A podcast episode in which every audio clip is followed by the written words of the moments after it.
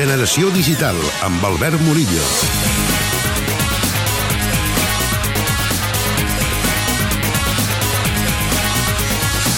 Hola, benvinguts al Generació Digital i aquesta primera edició web especial sobre la Viquimarató Ramon Bernils. La Viquimarató Ramon Bernils és una activitat organitzada per Amical Wikimedia i el grup de periodistes Ramon Bernils, amb la col·laboració de Catalunya Ràdio, amb l'objectiu de millorar la cobertura sobre Ramon Bernils i articles relacionats a la Viquipèdia.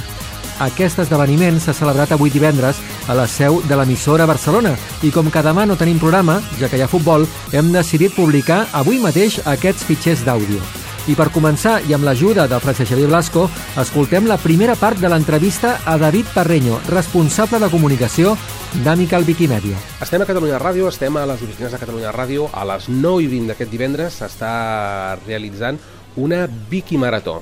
Però què és una Viquimarató? La Viquipèdia crec que tothom sap qui és, però una Viquimarató i què hi ha darrere una Viquimarató? Què hi ha darrere de la Viquipèdia, que són els viquipedistes, la gent que col·labora altruistament per fer cada cop més gran i més completa aquesta enciclopèdia en llengua catalana disponible per tothom. I tenim a nosaltres a David Parreño. David Parreño, que és responsable de comunicació d'Amical Viquimèdia, que és Explica'ns què és la Mical Wikimedia. Sí, exacte. La Mical Wikimedia com és una associació sense ànim lucre que es dedica a difondre i la Viquipèdia i el coneixement lliure en general eh, al carrer o fent actes, fent col·laboracions, convenis amb diferents institucions.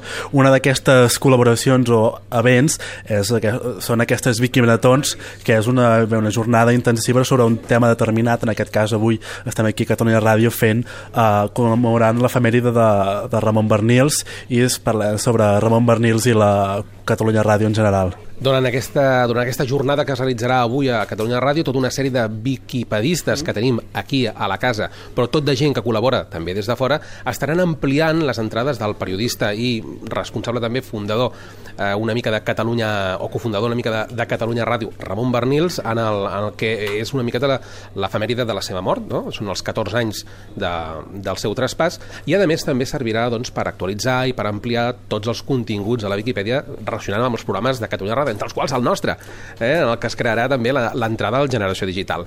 Eh, una cosa que molta gent segurament es pregunta, jo crec que la Viquipèdia és una cosa que tothom fa servir molt, però, escolta, com pot funcionar la Viquipèdia si és gratuïta i a l'accés de tothom. No? De tant en quant, quan entres a la Viquipèdia, surt aquell avís de sisplau, col·labora.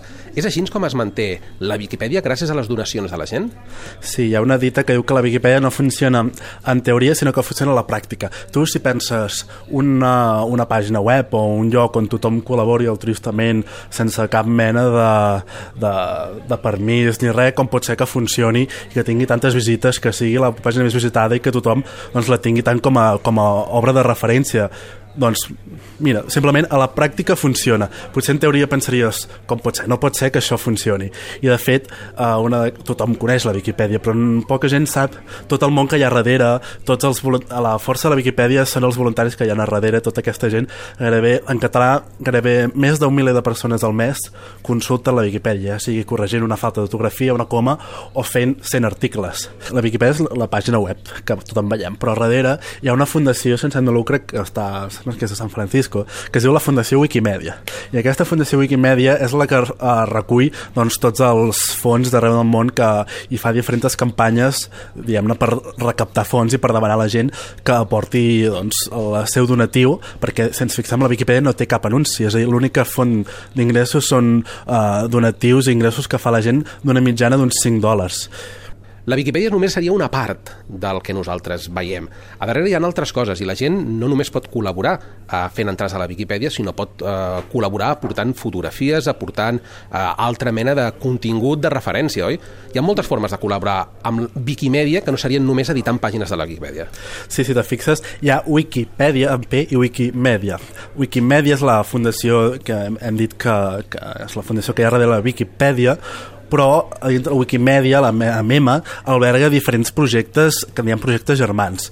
Hi ha infinitud de coses per fer, la, la, la tasca és infinita que hi ha de fer darrere d'ells, no només si algú diu, oh, jo ara corregir o uh, fer, crear, escriure uh, un article potser no, potser no, no es veu en cor, però potser sí que hi ha un projecte que és la, el repositori d'imatges de la Wikipedia, que es diu Wikimedia Commons, i allà hi ha més de 25 milions d'imatges que la gent doncs, aporta imatges de, de, imatges de molt bona qualitat. I per exemple si passem per davant d'un monument o passem per Catalunya Ràdio doncs si podem fer les fotos dels presentadors directament es pengen a Wikimedia Commons i allà queden de lliure accés per tothom. A part de les fotos també hi ha per exemple un projecte de cites que es diu Wikidites i que estem fent doncs per exemple recopilant les dites de Ramon Bernils però hi ha dites diguem-ne dites clàssiques de, de, de pensadors etc recollides allà al Wikidites. Hi ha un diccionari que és un diccionari eh, que també amb la mateixa filosofia que la Viquipèdia. Un diccionari fet amb, amb col·laboradors i multilingüe. Hi ha diferents projectes que són com satèl·lits de la Viquipèdia. La Viquipèdia és la més coneguda, però també hi ha tota aquesta de projectes germans que complementen l'enciclopèdia que tots coneixem. Escolta, ara acabes de trucar un tema que, mira, a mi m'interessa força, perquè jo professionalment doncs, faig servir molt la, la Viquipèdia i bàsicament i majoritàriament faig servir la Wikipedia, faig servir la Wikipedia en anglès. I moltes vegades, doncs sí que és veritat que m'he trobat el, el mateix article, eh, la mateixa entrada a, a, la, a la Viquipèdia, en català o en castellà, moltes vegades l'entrada en anglès sol ser, per segons quines temàtiques, sobretot, sol ser molt més ampliada i molt més completa. Però sempre em, genera, sempre em genera una pregunta. Uh, aquests articles que jo em trobo en castellà o en català d'una entrada que també existeix a la Viquipèdia en anglès, uh, moltes vegades són traduccions incompletes o d'una part. O a vegades no.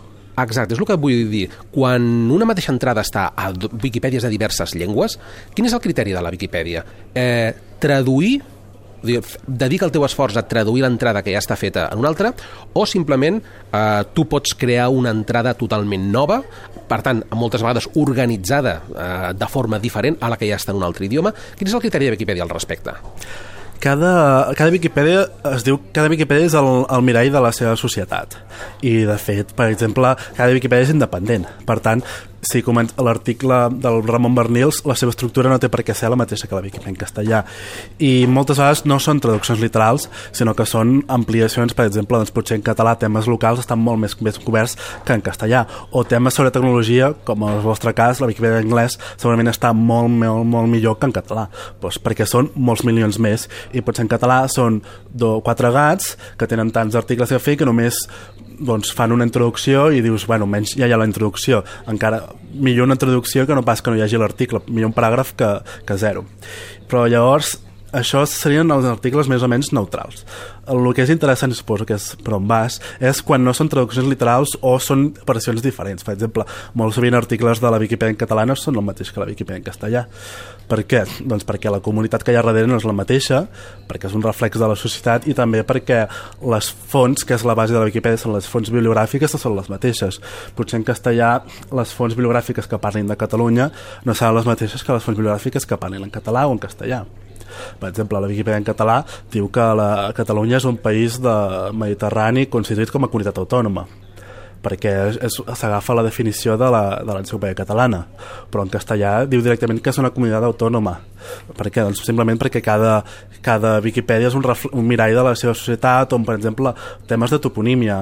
En català és Sant Quirze del Vallès i en castellà, com que agafen, tenen una norma que agafen la bibliografia cast, eh, en castellà, doncs és Sant Quirico de Terrassa per exemple, això és un de... Un dels... molt, molt fort, eh? Sant Quirico de Terrassa. Sí.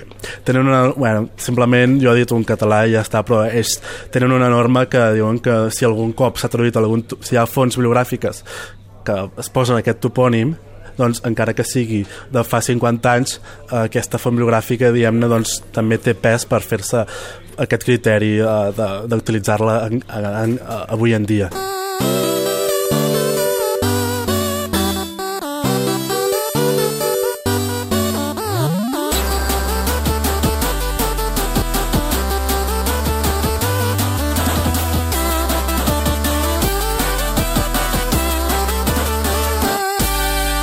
Generació digital